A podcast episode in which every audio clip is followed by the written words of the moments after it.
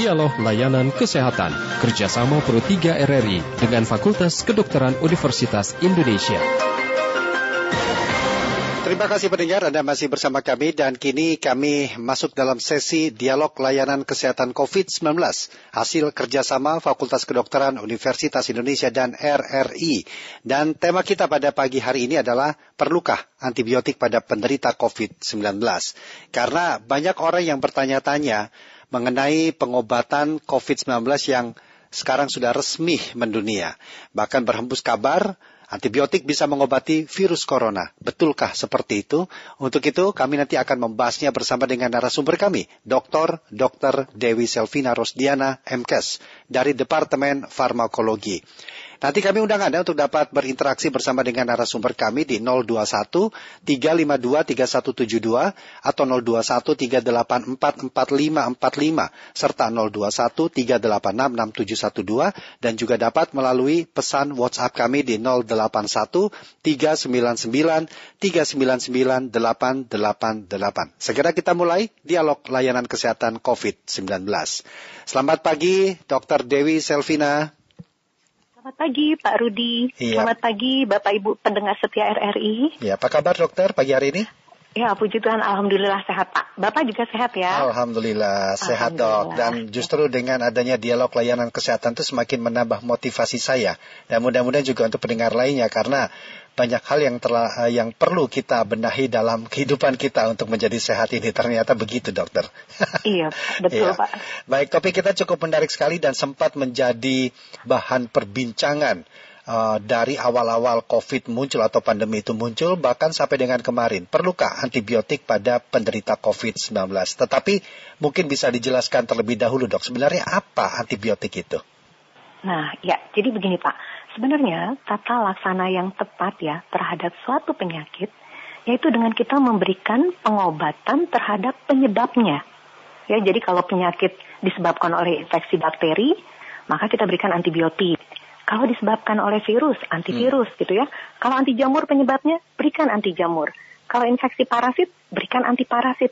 Nah, penyakit COVID-19 ini disebabkan oleh virus ya Bapak. Hmm. Jadi tentu penggunaan antibiotik pada infeksi COVID-19 ini tidak tepat, tidak rasional, dan tentu tidak ada manfaatnya.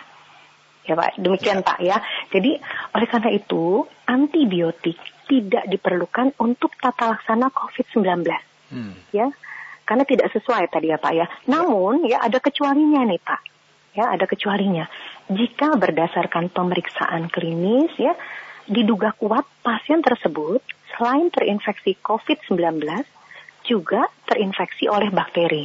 Mm-hmm. Nah ini biasanya ya pasien COVID-19 dengan derajat keparahan yang berat nih Pak.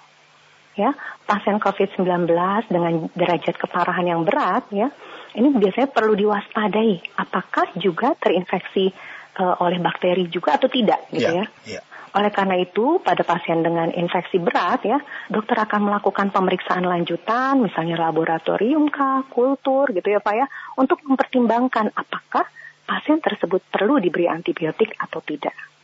Iya. Demikian ya. Pak. Baik, jadi temuan saat ini apakah memang ada dok pasien COVID-19 yang selain disebabkan oleh virus tetapi juga ada indikasi bakteri ada di dalamnya sehingga dibutuhkan uh, untuk antibiotiknya? Iya, betul Pak infeksi virus COVID-19 ini bisa ya di, apa, terjadi bersamaan juga bersama infeksi bakteri. Ini mungkin saja terjadi ya. Dan biasanya ya umumnya pada pasien dengan derajat uh, keparahan yang berat, Pak. Kalau pada derajat keparahan yang ringan, ya OTG ringan atau sedang, umumnya tidak uh, disebabkan juga uh, infeksi tambahan atau infeksi sekunder ya oleh bakteri. Jadi pada kondisi yang berat ini yang harus kita waspadai, Pak. Tentu eh, apakah betul terinfeksi bakteri juga atau tidak, ini perlu dilakukan pemeriksaan lebih lanjut, Pak.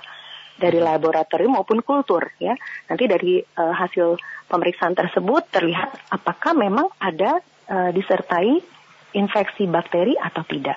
Ya. Kalau memang terbukti ada disertai infeksi bakteri ya, maka tentu pemberian antibiotik ini menjadi sangat penting, Pak. Hmm. Ya, karena uh, antibiotik ini uh, ini ya Pak ya, kalau tidak sesuai indikasi ya di, digunakan secara tidak rasional ini menjadi uh, masalah resistensi. Tapi kalau kita berikan telat pun ini bisa membahayakan pasien ya, terutama pada kondisi pasien yang berat ya, yang mengancam jiwa gitu ya Pak ya. Tentu kalau penyebabnya diduga kuat bakteri ini harus segera diberikan antibiotik. Mm -hmm. Mm -hmm. Ya. ya. Dan ah, dan itu tidak sem, tidak sembarangan dok ya, so, seseorang yang ya, terpapar COVID sekali. kemudian mengkonsumsi antibiotik dengan harapan sekali, atau Pak. mungkin juga karena kurangnya pemahaman seperti itu. Bagaimana dok? Ya, betul sekali Pak. Ya, uh, seperti kita ketahui ya, uh, kemarin juga ada uh, dari uh, FKW yang meng, apa, mengemukakan mengenai medikasi ya Pak ya. Jadi kan kita yeah, tahu bahwa yeah. antibiotik itu merupakan obat keras ya. Jadi harus diberi dengan resep dokter. Mm-hmm. Namun pada kenyataannya di lapangan memang uh, kita uh, tidak bisa menutup mata ya Pak ya. Kita lihat sendiri bahwa antibiotik ini bisa dibeli gitu tanpa yeah. resep dokter. Yeah. Nah, penggunaan antibiotik yang tidak rasional ini ya, yang tidak sesuai indikasi, dosisnya tidak tepat, lama pemberiannya tidak tepat, ini dapat memicu terjadinya resistensi antibiotik, Pak. Mm-hmm. Jadi selama masa pandemi ini kita harus menggunakan antibiotik secara rasional supaya kita uh, bisa mencegah uh, timbulnya bakteri yang resisten terhadap berbagai antibiotik. Mm-hmm. Jadi uh, Bapak Ibu walaupun Bapak Ibu bisa beli sendiri gitu ya, tentu dalam menggunakannya harus berpikir kembali. Yeah. Ya. Uh, dan untuk COVID-19 ini kalau Bapak Ibu apa terkena COVID-19 OTG kah atau ringan gitu ya, bisa isolasi di rumah, jangan pernah mengkonsumsi atau membeli sendiri antibiotik. Antibiotik, iya. Iya. Jadi sebenarnya intinya adalah uh, eh, COVID-19 itu dikarenakan oleh virus sehingga tidak tepat jika diobati dengan antibiotik kecuali ada temuan atau diagnosis dokter ada uh, bakteri di dalamnya sehingga diperlukan pengobatan menggunakan antibiotik dengan konsultasi terhadap dokter. Begitu dokter ya? ya? benar sekali Pak ya. Rudi, betul. Baik, silakan pendengar untuk hubungi kami dapat berinteraksi langsung dalam dialog layanan kesehatan di 021 352 3172, kemudian 021 384 4545, 021 386 6712, 081 399 399 888 untuk menyampaikan pertanyaan ataupun pendapat melalui pesan WhatsApp kami. Sambil menunggu pendengar dokter, jadi antibiotik itu lebih tepat untuk pengobatan jenis penyakit seperti apa saja misalnya dok? Tentu antibiotik Pak, kita akan gunakan untuk semua penyakit yang disebabkan oleh infeksi bakteri. Di luar itu tentu kita tidak gunakan. Mm -hmm ya infeksi bakteri uh, penyakit apa saja menyebabkan infeksi bakteri yeah. Ya. sebenarnya banyak ya pak ya dari mulai ujung kepala sampai ujung kaki itu bisa gitu ya dari mulai infeksi, infeksi saluran pernafasan ya mm -hmm. baik perna, saluran pernafasan atas ya faringitis tonsilitis lalu uh, saluran pernafasan bawah, misalnya paru-parunya itu bisa ya Pak, seperti pneumonia yang disebabkan bakteri. Yeah. Lalu infeksi pada kulit itu juga bisa uh, disebabkan oleh bakteri ya biasanya dia mengha, uh, apa beruntus-beruntus yang menghasilkan uh, nanah ya atau pus ya mm-hmm. itu umumnya disebabkan oleh bakteri lalu uh, berbagai infeksi sebenarnya Pak bisa disebabkan oleh uh, bakteri infeksi saluran kemih ya infeksi saluran uh, kencing ya itu juga bisa disebabkan oleh bakteri jadi sebenarnya banyak Pak Hmm. Tapi selain disebabkan oleh bakteri, seperti tadi yang saya ungkapkan, infeksi saluran pernafasan pun dapat disebabkan oleh virus. Nah, yeah. jadi untuk uh, nah seperti uh, apa ya influenza ya Pak ya, lalu bahasanya apa ya batuk pilek ya common cold gitu itu uh, 80 persen 90 persen itu disebabkan oleh infeksi virus Pak. Baik. Dan itu sebenarnya tidak membutuhkan bukan ya memang pasti tidak membutuhkan antibiotik ya. Dan untuk uh, infeksi saluran pernafasan yang tadi disebabkan oleh virus ya kecuali SARS-CoV ini ya Pak ya, ya. itu sebenarnya tidak membutuhkan selama ini ya kita tidak membutuhkan bahkan antivirus pun kita tidak butuhkan karena uh, apa infeksi tersebut bersifat uh, self-limiting disease artinya penyakit yang dapat sembuh dengan sendirinya, iya ya. dengan daya tahan tubuh kita yang meningkat. Hmm. Misalnya kita dengan istirahat, ya cukup istirahat Itu cukup ya, banyak. dok ya? Iya, minum Makan air putih yang- hangat, hmm. makan yang bergizi, Iya. minum multivitamin tambahan boleh. Hmm. Demikian Pak. Ya, Baik. makan sayur dan buah. Sebenarnya dengan eh, mungkin selama ini kita sering ya, eh, Ya. beberapa kali gitu mengalaminya tanpa antibiotik, Baik. tanpa obat-obatan bisa sembuh Bisa sendiri. Ya, Iya. kita ke pendengar eh, terlebih dahulu, Dokter Dewi ya. Sudah ada Pak Udin di Boyolali. Selamat pagi Pak Udin. Selamat pagi, Assalamualaikum warahmatullahi wabarakatuh. Waalaikumsalam warahmatullahi wabarakatuh. Silakan Pak Udin Bapak dengan Dokter Dewi Bapak. Rudi ya, Ya. Ibu Dokter Dewi, Departemen Farmakologi. Apa definisi uh, virus, kotoran, kuman, bakteri? Demikian terima kasih. Assalamualaikum warahmatullahi wabarakatuh. Baik, terima kasih Pak Udin. Waalaikumsalam. Silakan Dokter Dewi mungkin bisa di Waalaikumsalam. eh, jawab Maaf, Bapak, ciri-ciri dari jelas. apa tadi kuman, bakteri, virus seperti tadi. ciri-ciri dalam hal apa nih Pak? Ya mungkin apa yang bisa dikenali kita untuk bisa tahu bahwa nanti langkah pengobatannya seperti apa yang lebih tepat begitu. Iya, sebenarnya kalau kita eh, ciri-ciri infeksi bakteri, infeksi virus gitu ya Pak ya, kalau dari gejala klinis eh, tidak selalu dapat kita bedakan. Yang pertama itu, yang bisa kita lakukan biasanya berdasarkan gejala, ya Pak. Berdasarkan gejala ini pun eh, sebenarnya ya tidak terlalu kuat ya untuk bisa membedakan apakah disebabkan oleh infeksi virus atau infeksi bakteri Ya. perlu dilakukan pemeriksaan fisik, lalu pemeriksaan laboratorium, atau jika dibutuhkan pemeriksaan kultur, Pak. Tadi ya, jadi untuk menumbuhkan apakah eh, terdapat bakteri atau virus atau yang lainnya, gitu ya, atau eh, jamur kah, gitu ya, Pak ya. Jadi kalau dari gejala klinis, eh, mungkin saya eh, itu akan berbeda-beda. Sebagai contoh mungkin infeksi saluran pernafasan akut ya, Pak ya, Eh, seperti batuk pilek ya. Eh, secara epidemiologi, jadi kalau infeksinya itu disebabkan oleh virus, ya umumnya sekret eh, apa bahasa ini ya ingus mungkin ya pak ya, Mhm. itu yang dikeluarkan jernih ya atau bening gitu ya. Namun kalau eh, apa sekretnya itu yang dikeluarkan kehijauan, Ya. kental, ini ada indikasi disebabkan oleh bakteri Hmm. ya demam batuk pilek lalu ada eh, sekret atau ingus yang eh, apa hijau kental Ya. ini lebih artinya ada dugaan kuat Bakteri. infeksi bakteri Baik. betul sedangkan kalau eh, masih jernih Itu ya lalu virus. eh, eh, tidak terlalu berat itu biasanya eh, artinya ringan itu umumnya virus Baik. Baik dokter, kita kembali ke pendengar. Ada Pak Hari di Jakarta. Selamat pagi Pak Hari. Selamat pagi, Iya. dokter. Silakan Pak Hari. pagi Pak Hari Iya. Tadi dokter eh, apa? Mungkin ini wawasannya lebih ini lagi dok ya, yang lebih luas lagi gitu ya. Iya. Ini semacam udah senjata gitu ya. Apa nggak bisa nanti melalui air, udara, makanan yang diracunin gitu loh dok? Hmm, baik. Kan bukan hanya menular dari ini aja. Dan juga tadi dokter bilang juga kita untuk mencegah itu dengan imunitas apa makanan bergizi, vitamin. Jangankan untuk makanan bergizi, mungkin orang-orang kaya bisa gitu ya, Baik. dok, gitu dok ya. Baik, Pak Hari, terima kasih. Ya, sedikit eh, berbeda tapi dari topik, tapi mungkin bisa dijelaskan juga untuk penyebarannya, dok ini, mas. Ya, untuk penyebaran khusus infeksi SARS-CoV ini, ini dari penelitiannya ini masih eh, berda- apa, melalui sekret saliva ya Pak ya. Sampai saat ini eh, demikian yang eh, apa yang diteliti ya Pak ya melalui sekret saliva. Namun dari makanan yang tercemar virus COVID-19 ya, ini belum ada sih Pak ke arah ke apa eh, penelit hasil penelitiannya yang membuktikan bahwa benar dari makanan bisa.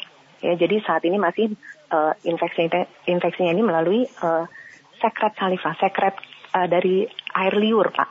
Jadi kalau kita terkena sekret air liur lalu terhirup oleh kita, ya, nah ini yang bisa eh, menyebabkan terjadinya infeksi SARS-CoV-2. Jadi demikian, Pak.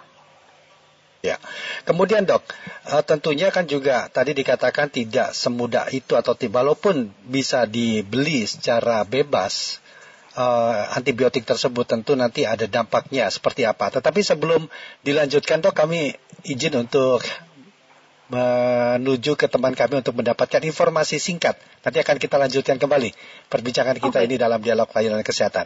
Dan pendengar kami akan ajak Anda untuk mengikuti sekilas info yang akan disampaikan oleh rekan kami Angelica Manda dari ruang Gatekeeper. Kilas Berita. Manda informasi apa yang akan disampaikan pada pagi hari ini? Baik Rudi dan juga pendengar, aparat kepolisian menangkap sejumlah orang buntut aksi tawuran antar remaja di Jalan Bukit Duri Tanjakan, Tebet, Jakarta Selatan. Kapolsek Tebet Kompol Alexander Yuriko Hadi mengonfirmasi kepolisian telah menangkap beberapa orang yang terlibat dalam aksi tawuran itu. Informasi selengkapnya bisa Anda baca di rri.co.id. Baik, terima kasih Manda untuk informasinya. Baik dokter, kita lanjutkan kembali dialog layanan iya. kesehatan, tapi sudah ada pendengar ini, oh, nih, dok. Uh, Dua pendengar kita tampung sekaligus dok ya, untuk nanti bisa oh, dijawab ya yang saat ini ada Pak Ramadan di Sorong. Selamat siang waktu Sorong, Pak Ramadan. Selamat siang waktu Sorong dan selamat pagi waktu Jakarta. Iya, silakan Pak Ramadan. Ya. Ya, masih juga Bu Dokter. Ya, saya pikir bahwa berita-berita yang tidak mengedukasi masyarakat ini kan biasanya berasal dari sumber-sumber yang tidak benar pula ya. Sedangkan vaksin red white saja belum dapat rekomendasi dari BPOM, apalagi cuma sekedar antibiotik. Menurut saya ini tidak benar karena vaksin apa itu virus kan nggak bisa dilihat dengan mikroskop kecuali vaksin kan kan berbeda sangat beda jauh. Dari pertanyaan saya kepada Bu Dokter, antibiotik ini apakah fungsinya adalah untuk menutup jaringan yang terbuka seperti sakit gigi, hmm. seperti luka. Nah, lalu apakah antibiotik ini harus pakai resep dokter? Kalau pakai resep dokter kan aman, yang dokter yang keluarin, yang berhak mengeluarkan adalah apotek dan ada resep dari dokter. Jadi kan nggak bisa dibeli secara bebas kan begitu dok. Nah, itu aja pertanyaannya. Baik. Terima kasih Pak Ramadan di Sorong. Berikutnya menjumpai Pak Ali di Kalimantan Utara. Pak Ali, selamat siang Pak. Ya, terputus bisa kembali dicoba Pak Ali ya. Tapi mungkin bisa menanggapi dulu apa yang tadi disampaikan Pak Ramadan, dokter. Iya, baik. Terima kasih. Terima kasih Pak Ramadan. Betul Pak Ramadan, antibiotik ini sebenarnya memang kan masuk dalam kategori obat keras yang harus digunakan dengan resep dokter, Pak. Namun pada kenyataannya, ya dalam kehidupan sehari-hari, ya kita bisa uh, ketahui sendiri ya, Bapak, bahwa antibiotik ini uh, bisa dibeli bebas gitu. Nah ini memang uh, tugas kita bersama sih ya Pak ya, bahwa harus bijak gitu dalam menggunakan antibiotik ini. Nah inilah Pak penggunaan yang tidak sesuai indikasinya tadi beli bersama eh, beli sendiri gitu ya mengkonsumsi sendiri menentukan dosis sendiri ya menentukan lama pemberiannya sendiri gitu jadi baru dua hari udah ngerasa baikan terus langsung berhenti. Nah hal-hal ini yang bisa memicu terjadinya resistensi terhadap antibiotik. Hmm. Ya jadi uh, demikian Pak tentu uh, saya uh, Terima kasih atas masukan Bapak. Betul sekali bahwa dalam hal ini bukan hanya dari masyarakat, tentu dari kami tenaga kesehatan pun ya kita bersama-sama Pak melakukan uh, penggunaan uh, antibiotik ini secara rasional. Tentu ketika dokter meresepkan antibiotik ya. itu sudah dengan pertimbangan kemungkinan penyebab utamanya adalah bakteri. Demikian Pak. Ya, baik. Lantas apa dampaknya dok jika seseorang mengkonsumsi antibiotik ketika sebenarnya hal itu tidak dibutuhkan? Ya, jadi penggunaan antibiotik tadi ya yang tidak dibutuhkan, yang tidak tepat, dosis tidak tepat, in, uh, lalu lama pemberian tidak tepat. Nah, ini bisa memicu bakteri atau kuman yang ada di dalam tubuh kita. Ini dia bisa katakanlah bermutasi gitu ya Pak ya, membentuk kekebalan dan sehingga dia menghasilkan bisa juga menghasilkan uh, misalnya enzim saya katakan ya yang dapat merusak antibiotik gitu Pak. Jadi ketika seseorang terinfeksi oleh bakteri yang tadi ya sudah bermutasi, sudah menghasilkan uh, cairan yang bisa merusak antibiotik, diberikan antibiotik, antibiotik ini jadi tidak mempan gitu Pak. Hmm. Tidak dapat jadi tidak bisa membunuh bakterinya lagi yeah. gitu. Oleh karena itu ya tadi seperti saya ungkapkan bolak-balik ya kita harus uh, dengan bijak menggunakan antibiotik ini, Pak. Ya, walaupun itu, uh, tapi kan sering kita jumpai dok, sakit sedikit, kalau memang dijual bebas tidak tidak tidak jarang saya menjumpai juga menyertakan obatnya dengan antibiotik itu tanpa nah. adanya resep dokter atau konsultasi dulu terhadap dokter yang ber, yang bersangkutan. Nah, inilah Pak uh, yang harus uh, kita apa ya kita edukasikan ke masyarakat ya untuk tidak menggunakan antibiotik uh, dengan sembarangan. Sebaiknya memang jangan membeli sendiri, apalagi mengkonsumsinya sendiri gitu tanpa uh, konsultasi ke dokter dulu. Mm-hmm. Demikian Pak. Pak ya. tadi sedikit saya ada yang pertanyaan Pak Hari sebenarnya belum terjawab oh, silakan, ya silakan, mengenai ya. uh, mengenai masalah uh, kita harus makan makanan bergizi gitu hmm, ya. Bagaimana yeah. beli makanan yang bergizi itu yeah. mahal gitu yeah. ya. Nah, sedikit Pak Hari, makanan bergizi itu tidak harus mahal. Ya, tempe, tahu itu proteinnya tinggi. Dan yang uh, relatif lebih murah ya dibandingkan daging ya, kita bisa uh, mengkonsumsi telur. Telur itu uh, proteinnya tinggi. Jadi uh, apa ya bahan makanan yang proteinnya tinggi dan kalau boleh kita katakan uh, relatif murah ya Pak. Maaf saya juga ibu-ibu sih gitu ya Pak. Jadi tahu misalnya 20 ribu kilo itu isinya 16 butir. Bisa untuk sekeluarga beberapa kali makan gitu ya. Jadi uh, maksud saya dalam hal ini uh, makanan yang bergizi itu tidak harus makanan yang mahal. Jadi kita bisa memberikan edukasi ke apa ke masyarakat ya kita bisa uh, gunakan apa yang ada di masyarakat yang mampu mereka beli tahu tempe dan telur itu proteinnya tinggi pak. Ya, baik. Jadi lantas toh kalau kita kaitkan dengan COVID-19, obat apa yang tepat yang harus dikonsumsi oleh penderita COVID-19 ini? Iya, obat apa yang tepat sampai saat ini ya Pak yang disebut terapi definitif itu terapi pasti gitu ya Pak untuk COVID-19 memang belum ada. Jadi masih terus uh, dalam penelitian atau kita sebut uji klinik ya Pak ya. Dan mengenai pengobatan ini juga tergantung derajat keparahan yang dialami pasien. Kalau derajat keparahannya uh, ringan ya oh, dari mulai OTG ya Pak ya yang tanpa gejala atau ringan-ringan misalnya uh, dia tidak bisa membau saja gitu ya atau demam demam saja atau batuk kecil tapi tidak sesak ya ringan uh, OTG atau ringan ini cukup dengan multivitamin. Hmm, cukup dan meningkatkan daya tahan tubuh, jadi ya. mengkonsumsi makanan bergizi, sayur, buah, gitu ya. Nah, sedangkan untuk yang sedang, ini uh, perlu pertimbangan ya tergantung satu uh, kadar oksigennya pak ya nanti do, uh, sebaiknya kalau yang sudah mulai ada peras, apa terasa sesak ini mah wajib ya nanti artinya wajib dilakukan pemeriksaan oleh dokter nanti mm-hmm. apakah perlu perawat inap atau bisa diisolasi mandiri tergantung yeah. uh, kondisinya namun kalau untuk yang berat jelas ya pak ya itu harus uh, dirawat di rumah sakit dan ini tentu uh, pengobatannya mm-hmm. ini macam-macam ya Pak ya. Dari tadi kalau ringan cukup multivitamin, ya. tadi kalau sedang ya Pak, ini biasanya uh, sudah diberikan antivirus, remdesivir hmm. atau favipiravir. Ya. ya. Sedangkan kalau berat, selain diberikan uh, antivirus dan itu dilihat juga dilakukan pemeriksaan kalau diduga kuat ada uh, infeksi bersama bakteri juga diberikan antibiotik dan uh, selain itu juga diberikan obat-obat uh, untuk simptomatik Pak. Jadi untuk mengurangi gejala. Misalnya tadi kalau yang pada uh, ringan dia demam bisa ditambahkan paracetamol misalnya kalau batuk bisa minum obat batuk ya demikian jadi uh, apa namanya pengobatan itu berbeda-beda terga ya. tergantung dari tingkat derajat keparahannya terutama atau atau paling tidak memang edukasi kita untuk selalu mengkonsultasikan kepada dokter dan agar tidak salah pilih obat ataupun juga tidak sembarangan dalam mengkonsumsi obat.